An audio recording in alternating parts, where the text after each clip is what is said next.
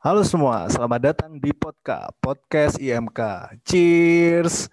Oke, seperti biasa nih, kita cek sound dulu. Kalau aku ngomong podcast, kalian harus jawab cheers gitu ya. Oke, mulai. Satu, dua, tiga. Podcast. Cheers. Waduh, mantap. Gitu dong. Oke, kenalin aku Purba Negara dari Ikatan Mahasiswa Kewirausahaan ITB. Jadi di episode kali ini, episode 5 nih aku yang bakal jadi hostnya dan membawakan tema yang ah pokoknya menarik banget. Jadi karena corona ini masih belum tahu nih kelarnya kapan, jadi kita ngisi waktu luang sambil dengerin podcast, ya enggak sih? Bisa tahu-tahu jurusan, nambah wawasan, mantap lah pokoknya. Pokoknya harus dengerin sampai kelar. Oke, jadi kita akan memulai podcast ini dengan jurusan yang tidak kalah populer yang bahkan mungkin ini terkenal banget di dari ITB ya. Jadi clue-nya adalah ini tugasnya mereka jurusan ini gawenya adalah merancang-rancang bangunan. Oke, pada tahu kan? Pada tahu kan? Iya jelas tahu lah. Oke, kita akan ngobrol dengan anak-anak jurusan arsitek ITB. Nah, kita bakalan kenalan sama orangnya nih. Oke, ini siapa nih? Halo Kak. Halo. Oke, kenal ya, dulu jadi, dong. Kenalin, aku Adel dari jurusan Arsitektur Angkatan 2018. Oke, Kak Adel, gimana kabarnya, Kak? Baik-baik, Alhamdulillah. Alhamdulillah. Nah, ini jadi kita lagi sama Kak Adel nih. Kita sama uh, seorang mahasiswa jurusan Arsitektur ITB dan kita pasti udah aware lah ya sama yang namanya arsitektur ITB wah terkenal parah pasti. Nah terus teman-teman podcast tapi kita tuh belum tahu secara dalam gak sih podcast eh, si arsitek itu apa jurusannya itu gimana? Boleh nggak sih kak jelasin dulu dong? Nah boleh nih. Jadi arsitektur itu kayak yang kita tahu lah ya hubungannya itu sama bangunan-bangunan. Kayak rumah, gedung dan lain-lain tapi uh, bukan cuma bangunan nih mungkin lebih tepatnya itu mendesain dan merancang ruang karena ada nih namanya itu arsitektur lanskap yang dia itu mendesain ruang luar kayak taman dan lain-lain. Nah, yang penting di arsitektur ini, arsitek arsitek ini bisa membuat ruang ini biar si penggunanya itu lebih produktif lah di dalamnya. Nah, kalau di ITB ini sendiri, jurusan arsitektur tuh sekarang di Fakultas SAPPK, tapi dulunya itu ada di FTSP yang gabung sama teknik sipil, teknik geodesi, planologi, seni, dan desain. Tapi habis itu dipecah kalau sekarang. Oke. Eh, tunggu-tunggu. Tadi SAPPK apaan, Kak? Kali nah, aja ada kalau... belum tahu tuh. iya, iya. Jadi kalau di ITB itu banyak kan ya fakultasnya. Kalau SAPPK itu singkatan dari Sekolah Arsitektur Perencanaan dan Pengembangan Kebijakan. Oke. Eh tapi di BTW kalau di jurusan arsitektur tuh ru, apa rumahnya lagi kan uh, tempatnya tuh di mana sih di ITB? Kan ada banyak tuh kampus ITB kan gede banyak, hmm. cuma satu, luas lagi ya kan? Tuh di mananya tuh? Nah, kalau arsitek arsitektur ini kebetulan cuman one and only nih kalau di ITB, cuman satu-satunya di Ganesha doang. Cile, one on only ya. Iya. Dia di hatiku, cia, kagak kagak. Oke, okay, jadi mumpung sekarang kita lagi bareng anak jurusan arsitektur ITB dan sesuai penjelasan kader tadi tentang jurusan arsitek, arsitektur maksudnya, sepenangkapan aku jurusan ini tuh mempelajari ilmu dan seni dalam mendesain dan merancang bangunan serta struktur yang bertujuan untuk menciptakan sebuah ruang untuk kebutuhan manusia gitu ya.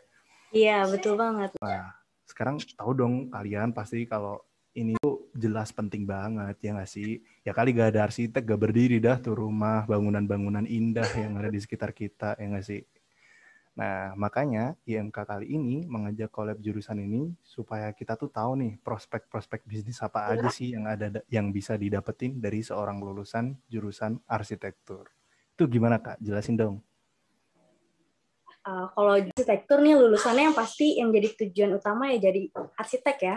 Tapi selain itu bisa juga cuan di hal lain nih yang berhubungannya tetap sama bangunan kayak developer, konsultan arsitektur, drafter, marketer, 3D visualization dan lain-lain. atau juga bisa ke ranah desain interior atau desain produk. Karena kita ini di arsitektur kan belajar kayak utilitas, belajar dikit juga tentang interior, jadi pengetahuannya lumayan ada lah ya kalau mau dikembangin jadi profesi. Atau juga kalau mau ke ranah pendidikan, bisa juga nih lulusan arsitektur ini jadi dosen pengajar arsitektur gitu. Ah, I see. Jadi sebenarnya luas banget ya. Jadi arsitek aja bahkan udah ada cuangnya gitu kalau rancang bangunan apalagi yang ada profesi-profesi lain untuk bisa hasilin uang dari ilmu itu gitu ya ternyata wah mantul yeah. banget sih nah tapi sesuai judul episode kali ini kita akan bahas salah satu prospek bisnis yang paling diminati oleh calon arsitektur cah arsitek arsitektur sih nah dengan tema mengenal lebih dalam percuanan dari biro arsitektur Nah, pada kepo kan apa sih biro arsitektur, terus gimana cuannya gitu kan. Terus penyatuan ide dalam satu suatu biro arsitektur tuh kayak gimana? Jangan lupa dengerin baik-baik episode ini sampai selesai. Nah, iya, iya, sebelum mulai, Kadel minta tolong dong jelasin tentang dunia bisnis biro arsitektur tuh seperti apa sih? Apa yang terlibat di dalamnya? Tugasnya apa? Info-info penting yang perlu kita pahami itu apa gitu? Iya, jadi buat yang belum tahu nih, Biro Arsitektur itu adalah sebuah tim yang isinya itu ada sekumpulan arsitek, ahli struktur, kayak teknik sipil gitu, desainer interior, sampai drafter. Jadi kalau di, bisa dibilang sih seperti perusahaan penyedia jasa arsitektural gitu. Kalau arsitek biasanya dia adalah pemimpin proyek. Kalau di dalam biro, uh, biro ini yang nantinya koordinasi juga sama ahli struktur atau teknik sipil desainer interior yang nantinya ngedesain ruang bagian dalam bangunan. Dan satu lagi ini nih kalau drafter tugasnya itu untuk ngebantu arsitek atau engineer lain untuk bikin gambar-gambar teknik yang detail dari rancangan bangunannya. Oh, I see. Terus kalau jasa yang disediakan apa aja, Kak? Uh, kalau biro arsitektur ini ada macam-macam juga nih uh, yang nyediain jasa-jasanya. Biasanya ada yang nyediain jasa untuk konsultasi arsitektur, ada juga biro arsitektur yang nyediain jasa dari mulai perencanaan desain sampai bangunannya terbangun. Jadi di biro ini tuh penting banget nih untuk paham gimana manajemen proyek pembangunannya. Nah, lu biasanya siapa aja nih orang-orangnya tuh yang memakai jasa biro ini? Target marketnya tuh siapa tuh? Hmm, kalau yang pakai jasa bisa beragam banget sih. Dari mulai kalau yang pasti sih klien yang pengen bikin bangunan ya. Mungkin bisa jadi suami istri yang mau bikin rumah, developer yang mau bikin apartemen gitu, atau pemerintah yang mau bangun fasilitas kota misalnya. Bahkan sampai kayak korporat yang malah bisa jadi naikin nama biro gitu, jadi terkenal. Oh, I see. Oke. Okay lumayan ya marketnya banyak gitu. Dia juga sangat spesifik orang-orangnya. Nah, kalau cara kerjanya sendiri gimana? Misal nih, misal aku mau bikin gedung bisnis, gue mau bikin freeport gitu dah, gedung freeport. Oke. Okay. Nah itu pengen nih ambil jasa biro arsitektur. Apa tuh step-stepnya? Apa yang harus seorang aku lakukan untuk bisa bekerja sama sama biro arsitektur itu? Eh, mungkin dari tadi ya di awal kayak yang udah disebutin di dalam suatu biro arsitektur itu banyak ada banyak banget gitu pihak yang ada di dalamnya. Kalau stepnya mungkin pertama nih kamu datang dulu ke biro arsitektur yang kamu percaya karena macam-macam kan ya jenisnya. Nah di sini biasanya kamu ketemu sama arsitek. Nah si arsitek ini mulai cari tahu apa keinginan kamu misalnya kayak fungsi bangunannya apa, lokasinya mau di mana kayak tadi kan Freeport misalnya tuh Terus habis itu arsitek ini biasanya survei dulu ke site atau lokasi calon bangunan kamu buat dapetin konteks site-nya seperti kondisi tanah, budaya di site itu, perilaku penggunanya dan lain-lain. Nah, dari site ini biasanya uh, arsitek itu cari ide dari berbagai pendekatan dan diskusi lagi sama kamu buat nyatuin visi arsitek dan kriteria-kriteria yang mau yang kamu mau untuk bangunannya. Nah, arsitek ini nanti kolaborasi dengan ahli struktur atau teknik sipil dan juga desainer interior sampai bangunan itu selesai terbangun. Ada juga kontraktor sebagai pelaku dalam pembangunannya, jadi kayak tukang bangunan gitu deh. Jadi arsitek itu perannya lebih ke pemimpin proyek pembangunan gitu. Ah, cukup cukup panjang ya ternyata ya. Oke oke. Eh btw buat yang belum tahu, Freeport tuh nama gedung di Sekolah Bisnis Manajemen guys. Jadi itu tempatnya di ITB lah pokoknya. Kalau ke ITB harus banget ke situ cek-cek bangunannya. Keren banget dah itu Iya. arsiteknya luar biasa pokoknya.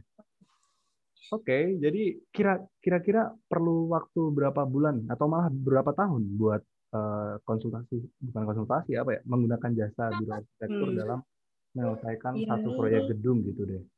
Ya, tergantung banget sih.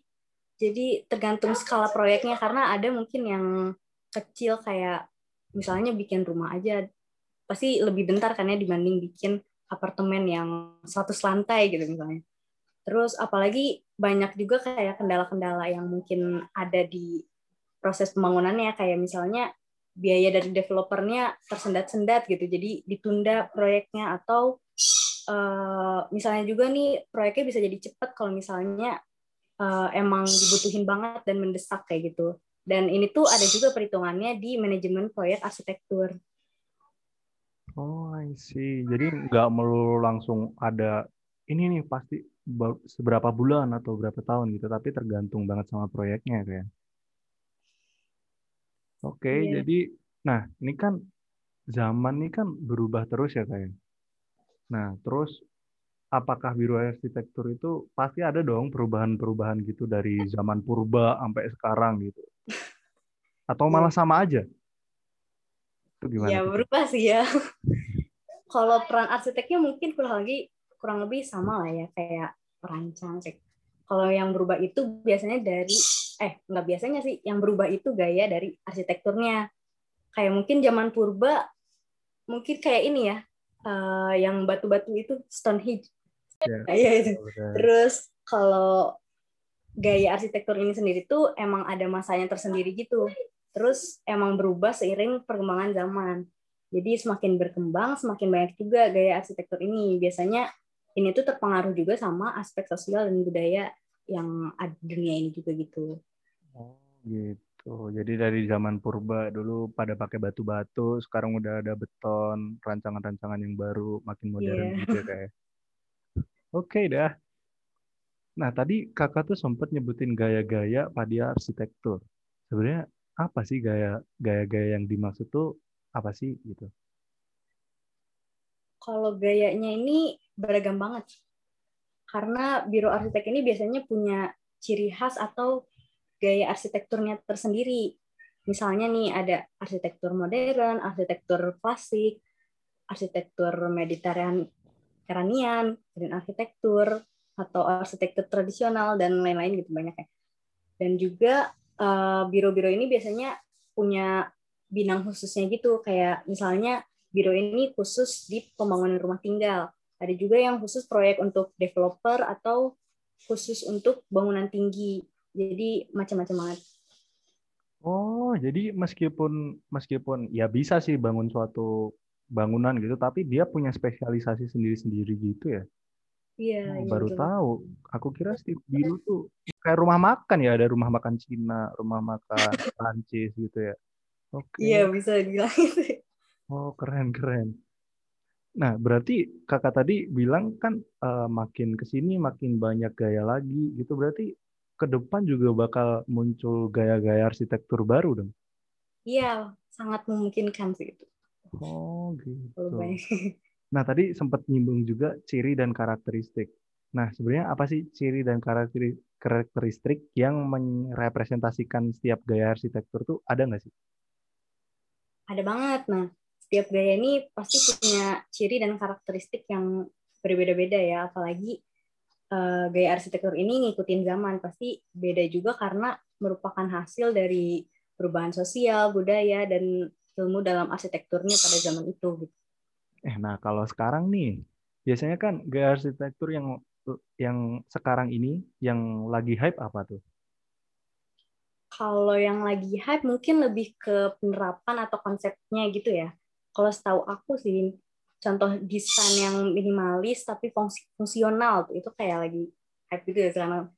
Atau kayak penerapan material yang diekspos kayak rumah tapi betonnya tuh gak dicat jadi warnanya emang ya beton aja gitu nggak diapa-apain Terus juga kalau sekarang nih kan abis pandemi, jadi isu ini tuh cukup jadi topik buat desain arsitektur sekarang yang harus lebih perhatiin kesehatan penggunanya gitu. Atau juga kan kemarin tuh banyak juga nih orang yang apa-apa di rumah karena pandemi gitu kan. Jadi mungkin sekarang arsitektur lebih kayak perhatiin ini sih gimana kalau nanti orang uh, ngerjain sesuatu semuanya di rumah kayak gitu. Oh, oke. Okay tadi yang yang sempat yang expose expose itu kayak misalnya kafe terus nggak nggak pada dicat gitu ya itu tren banget nggak sih yeah. sekarang iya banyak banget ya sekarang yang kayak gitu iya iya trennya nah kira-kira gaya arsitektur yang mendekati yang kakak sebutin tadi apa sebenarnya tadi itu dekat banget sih sama ciri dan karakteristik dari gaya arsitektur modern dan pasca modern yang sekarang tuh udah banyak banget nih arsitektur di Indonesia atau di dunia yang pakai gaya arsitektur ini.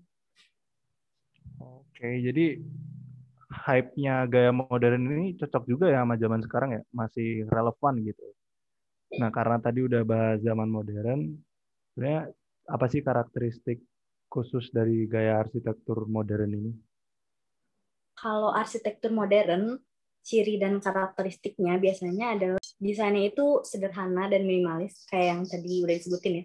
Terus arsitekturnya ini lebih mengutamakan bentuk dibanding ornamennya, nggak kayak arsitektur dulu tuh ada kayak arsitektur klasik yang uh, kayak sentimental banget gitu. Terus di mana jadi ornamen ini tuh minim kalau arsitektur modern tapi tetap fungsional atau mungkin bahasa kerennya bisa dibilang sesuatu yang kecil tapi dibaliknya tersembunyi sesuatu yang besar gitu. Waduh, dalam ya. iya, terus uh, uh, mungkin kata yang bisa mencerminkan arsitektur modern ini inovatif, minimalis, dan eksperimental.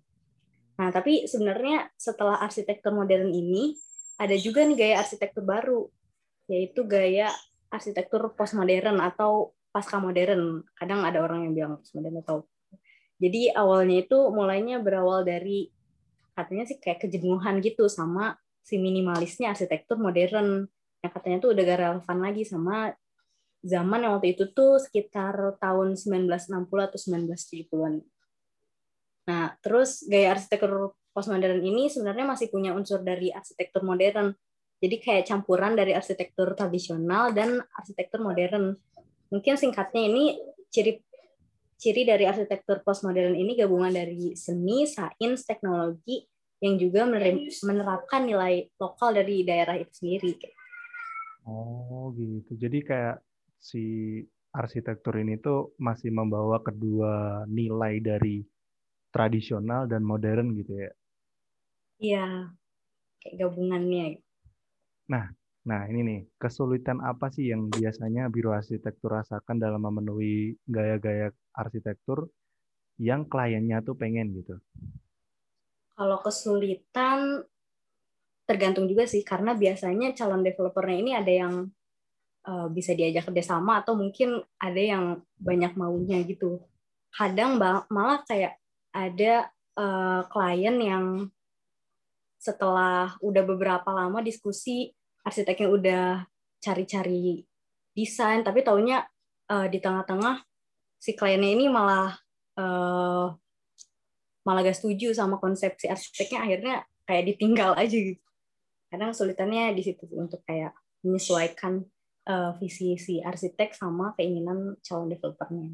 Oh, jadi kayak si kliennya tuh banyak mau tapi sebenarnya dia juga nggak punya gambaran jelas gitu ya pengennya kayak iya gitu. bisa jadi kayak gitu oh oke okay. itu itu nyebelin sih oke okay, dah terus sebenarnya aku juga kepo nih cara pengambilan ide gaya arsitektur oleh arsitek itu gimana sih kan tadi tuh kayak ada orang yang pengennya ini gitu tapi hmm. dia sebenarnya itu sebenarnya pengadaan idenya gimana sih oleh arsitektur sendiri muncul dari mana asalnya gimana Terus ada nggak sih teori-teori yang membelakangi itu gitu?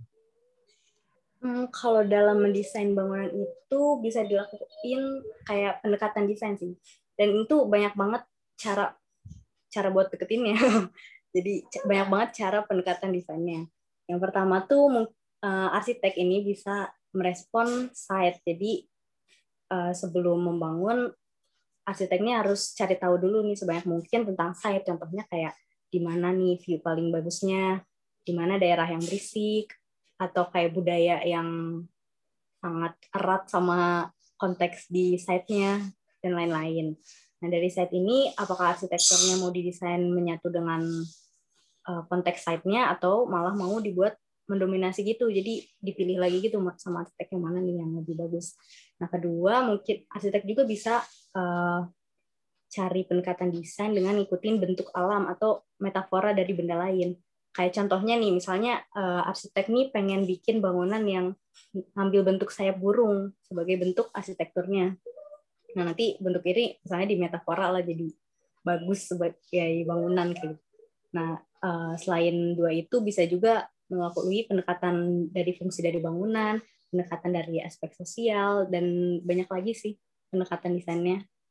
Kalau menurut aku sendiri ya, kalau arsitek ini proses desainnya tuh kayak main puzzle gitu. Jadi kayak gimana caranya kita sebagai arsitek ini nyatuin keinginan klien, isu lingkungan, estetika, fungsi bangunannya nanti gimana, terus uh, kalau ada bencana alam gimana, terus ada peraturan bangunan juga sampai kayak efektivitas penggunanya ntar itu gimana kayak bisa gitu.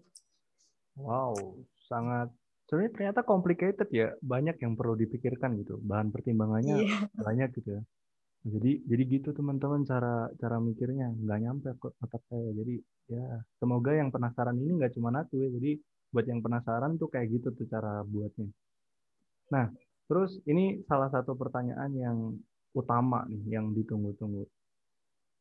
Dapat cuannya dari mana sih? Gimana pembagian modal eh, pembagian modal lagi pembagian untungnya gitu. Aku pribadi sebagai anak bisnis yang sangat mendalami bisnis Widi, itu penasaran banget sih. Gimana sih hmm, Oke, okay, jadi sistemnya gimana ya? Kalau ya, biro arsitek ini uh, biasanya pengeluaran terbesarnya itu cuma untuk di material bangunannya aja gitu. Sama kayak mungkin biaya upah dari kontraktornya kayak gitu. Nah, sisanya itu dikasihin sama arsitek dan uh, engineer-engineer yang bekerja di dalamnya.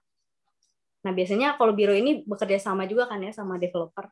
Nah, uh, bisa jadi si arsitek sama developer ini bisa bagi untung gitu. Nah, terus untuk bayaran dari biro ini bisa gede-gede banget sih bahkan sampai kayak miliaran gitu ya ratusan juta sampai miliaran jadi tergantung walaupun uh, si kalau misalnya baru lulus nih kayak baru baru bekerja di arsitek emang belum besar gitu sih ide uh, si dari gajinya. Oh, kalau kayak gitu uh, gaji atau ada persenan-persenan yang gitu sih uh, arsitek dapat persenan berapa, sipilnya dapat berapa, karyawannya dapat berapa, atau ada gajinya yang khusus gitu? Seharusnya sih ada persen-persenannya gitu ya. Terus hmm. uh, ya dibagi lagi gitu ke pekerja-pekerjanya. Tapi yang pasti sih yang paling dapat uh, persenan besarnya si arsitek, developer, sama engineer yang bekerjanya. Iya sih. Oke, nah terus uh, pengembangan bisnis biro arsitektur di Indonesia sendiri menurut kakak tuh gimana nih sebagai nanti yang akan menghadapi dunia itu gitu? Perkembangannya kalau di Indonesia cukup lumayan sih karena dengan berjalannya zaman orang-orang pasti bakal pakai jasa ini ya. Apalagi Indonesia nih kota eh kota negara yang berkembang ya. Jadi seiring perkembangan kota makin diperluin juga nih jasa arsitek ini. Oke, jadi itu aman ya kalau kita tuh kalau kita bilang kalau si bisnis ini sangat cuan gitu, sangat menguntungkan. Karena prospek di Indonesia nya masih tinggi, bener ya? Iya, iya benar. Oke. Nah, karena bisnis di biro arsitektur ini sangat cuan, pasti banyak kan yang tertarik ke arah bisnis ini. Jadi kita perlu tahu nih tantangan yang bisnis ini hadapi dalam persaingan ini tuh gimana gitu. Terus menurut kakak gimana? Hmm, iya nih, makanya nih biro arsitektur ini punya ciri khasnya sendiri. Kayak tadi yang udah disebutin ada arsitektur hijau atau arsitektur modern, yang nantinya ciri khas ini jadi daya tarik tersendiri di biro ini. Nah, kalau di dunia bisnis tuh biasanya suka dibilang buat jual sesuatu yang beda gitu kan ya? Kalau di Ya bisnis. benar, kita harus unik gitu ya. Iya iya. Jadinya kayak target pasarnya juga jelas gitu kan ya. Iya, oke. Oke, jadi di bisnis ini pun sama gitu ya. Tetap harus ada keunikan dari si biro itu tersendiri gitu kan ya. Iya. Oke, selanjutnya nih. Concern dari bisnis biro arsitektur tuh gimana sih? Um, apa aja apa yang bisa diedukasi buat buat temen-temen nih yang pengen mulai bisnis di bidang arsitektur gitu. Hmm, kalau menurut aku nih sebelum mendirikan biro arsitektur kan emang sedikit complicated gitu ya ada peraturannya dan lain-lain. Jadi sebenarnya sih kalau buat yang mau eh kalau yang baru lulus lebih baik buat cari pengalaman gitu dulu sih ke kayak kerja di biro atau bi- biar tahu cara kerja biro yang baik itu gimana. Nah, kalau misalnya udah tahu, udah punya pengalaman, bisa aja nih langsung bikin biro arsitektur. Nah, tapi sebelum dari ini kan biro tuh kayak perusahaan arsitektur lah ya. Jadi perlu banget nih buat tahu kayak manajemen bisnisnya gimana, harus punya koneksi yang cukup juga. Terus harus tahu juga nih tujuan bironya tuh bakal seperti apa. Kayak tadi kan punya ciri khasnya mau gimana nih, ciri khas yang mau ditonjolin dan dari bironya ini. Oke, oke. Terus kalau eh, kakak tahu nggak nih em, biro biro contoh biro di Indonesia tuh apa sih yang kakak kenal gitu? Yang terkenal nih, nih yang kayaknya mungkin bisa jadi kamu tahu juga nih kalau Andra Matin. Dia terkenal Apa? banget. Apakah apakah? Andra Matin, Andra Matin. Oh itu nggak tahu sih sebenarnya jujur ya. Oh iya, sebenarnya itu terkenal sih. Oh itu Terus itu ada yang satu lagi terkenal. nih, arsitek yang terkenal juga itu tuh namanya Yusing. Dia juga kayak eh, terkenal tuh karena emang mereka tuh punya ciri khas sendiri. Kayak misalnya Yusing nih ciri khasnya itu kayak dia bangun eh kayak khusus di pembangunan perumahan yang buat kalangan yang murah-murah lah pokoknya perumahan rumah.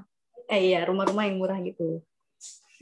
Oh gitu. Kalau Andra Martin tuh apa tuh kalau Kalau Andra Martin? Andra Matin sih setahu aku dia tuh kayak bentuk-bentuknya geometris gitu sih. Bentuk Dan kalau setahu aku ya, dia tuh terkenalnya waktu itu karena eh, emang dia punya klien yang bikin terkenal itu kliennya gitu. Setahu aku dia waktu ngebangun bangunan apa gitu. Lupa sih Oh tapi gitu. bangunannya. Jadi jadi klien Si juga penting. ini, ya si Andra Martin. Kayak tadi kan kalau misalnya dia eh kalau misalnya arsitek nih tiba-tiba dapet klien eh, korporat yang bikin terkenal gitu kan biasanya korporat punya banyak lah ya eh, koneksi-koneksinya. Oke. Jadi ternyata relasi tetap penting ya bermain ya di bisnis ini juga. Karena klien juga bisa mempengaruhi reputasinya si biro ini sendiri ya. Kak? Iya, pengaruh juga nih klien. Ya terus kalau Kak Adel pribadi nih, kakak tertarik nggak masuk ke dunia biro bisnis? Eh biro bisnis apa sih? Biro arsitektur, biro bisnis arsitektur. Biro. Iya. Kalau aku tertarik sih. Kalau sejauh ini masih tertarik ya. Tapi nggak tahu nih ke depannya gimana. Karena emang pusing banget kan ya jadi jadi arsitek aku sendiri ngerasain itu sih. Tapi sejauh ini ya tertarik. Masih tertarik ya? Iya. Apalagi cuannya gede kan ya tadi. Ya. Lumayan. Itu Ya. sih, itu intinya itu. Jadi eh, kalau misal nih, kalau kakak pengen ke biro arsitektur, itu apply-nya gimana? Apakah langsung ke bironya buat apply atau nunggu mereka open gitu atau gimana? tuh? Biasanya iya sih ke bironya langsung. Nanti biasanya eh, kayak kita kayak nge-apply ke perusahaan aja gitu kayak ngasih CV, nanti diliatin portofolionya gimana atau persyaratan-persyaratan lainnya kayak gitu. Ada persyaratan lain nggak sih? Kayak misal suruh gambar bangunan gitu mungkin. Kan kalau anak FSRD ya yang disuruh apa bikin portofolio yang gambar Iya, iya. bangunan dan sebagainya. Nah itu ada nggak tuh? Nah, biasanya kalau di isi portofolio ini kayak karya-karya arsitektur yang pernah kita buat gitu sih. Kayak misalnya eh, kalau di arsitektur ini ada mata kuliah studio gitu kan. Nah, di studio ini kita ngerancang bangunan. Nah, bisa nih rancang bangunan yang kita desain dulu di studio dimasukin ke portofolio buat nanti di-apply ke biro yang mau kita uh, masukin. Oh, gitu. Jadi jadi tetap ada ya, tetap ada pertambah apa syarat tambahan yang khusus di bidang itu gitu ya. Iya. Oke. Nah, sekarang pertanyaan terakhir dah, pertanyaan terakhir. Buat kakak kakak sendiri, ada nggak sih saran atau tips gitu buat calon-calon developer termasuk anak-anak bisnis kayak aku nih, siapa tahu mau bikin gedung gitu kan, amin amin amin. Itu amin, ada sih tips and trik apa aja dalam memilih biro arsitektur yang baik gitu? Hmm, milih yang baik mungkin yang penting itu harus tahu dulu ya. Kayak gedungnya nih gedung kamu nanti fungsinya buat apa. Kalau tadi kan gedung bisnis ya. Terus nanti konsepnya mau yang bergaya arsitekturnya tuh seperti apa?